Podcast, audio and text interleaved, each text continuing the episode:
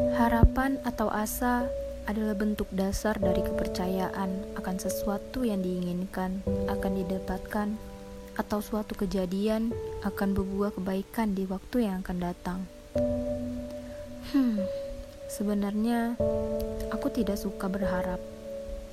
Karena semakin berharap, semakin banyak kekecewaan yang akan dirasakan bila itu tidak terjadi. Jika ditanya apa harapan terbesar di dalam hidupku, aku hanya ingin selalu bahagia bersama keluarga, pasangan hidup, dan teman-temanku. Menghabiskan waktu bercerita tentang hal yang tidak bisa diulang kembali, bertingkah konyol, lalu tertawa, seakan hidup tidak pernah berhenti.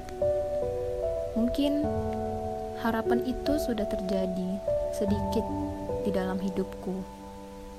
Aku senang bila orang lain bisa tertawa karena aku. Aku selalu mencoba bertingkah baik kepada orang lain karena aku ingin orang-orang mengenalku sebagai orang yang ramah dan ceria selama aku hidup. Terkadang harapan yang tidak direncanakan lebih terlihat indah daripada terus selalu berharap dengan suatu ketidakmungkinan yang akan terjadi. Ya, seperti mencintai seseorang yang mungkin tidak bisa aku miliki. Seperti yang aku katakan di awal, aku tidak menyukai harapan, tapi jika itu tentang dia, aku berharap bisa mengenalnya, walaupun aku tahu kita tidak akan pernah bersatu. Jika itu terhalang jarak dan waktu, aku tidak masalah. Tetapi, jika penghalangnya karena perasaan yang berbeda, aku pun tidak bisa marah ke Sang Pencipta. Tuhan hanya sekedar mempertemukan dua hati, tetapi tidak selalu mempersatukannya.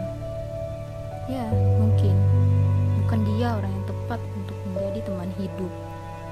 Meskipun cinta yang tumbuh dalam hati bila tidak terbalaskan, itu lebih sakit, bukan? Oleh karena itu, alasan Tuhan tidak menyatukan dua hati jika itu tidak sejalan. Aku percaya jika skenario Tuhan jauh lebih mengagumkan bila kita mau menerima dengan ikhlas dan bersyukur. Maka harapan yang selalu kita katakan dalam doa sedikit demi sedikit akan terwujud.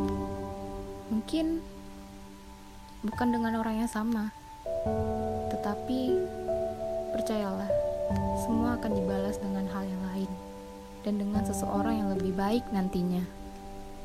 thank you